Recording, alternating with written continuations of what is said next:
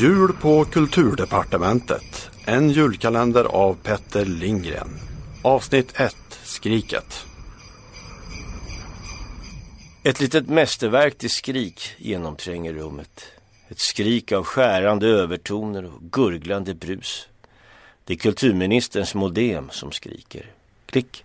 Sedan tystnad. Departementets så kallade intranät strömmar nu motståndslöst genom jacket.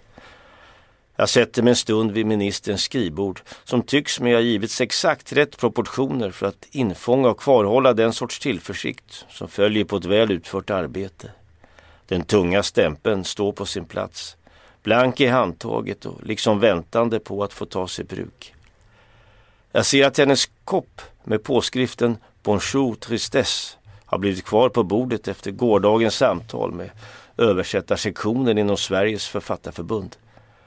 Jag häller ut den kvarvarande slatten i monstran vid fönstret. Regnskogsväxter behöver syra och humus. Till morgonrutinen hör också att bära in dagens tidningar. Just den här morgonen råkar en av dem ståta med en ovanligt illavarslande rubrik och jag placerar den därför underst i bunten. Sen lägger jag den överst i alla fall. Rubriken lyder Kulturministern. Översättare är Råttor.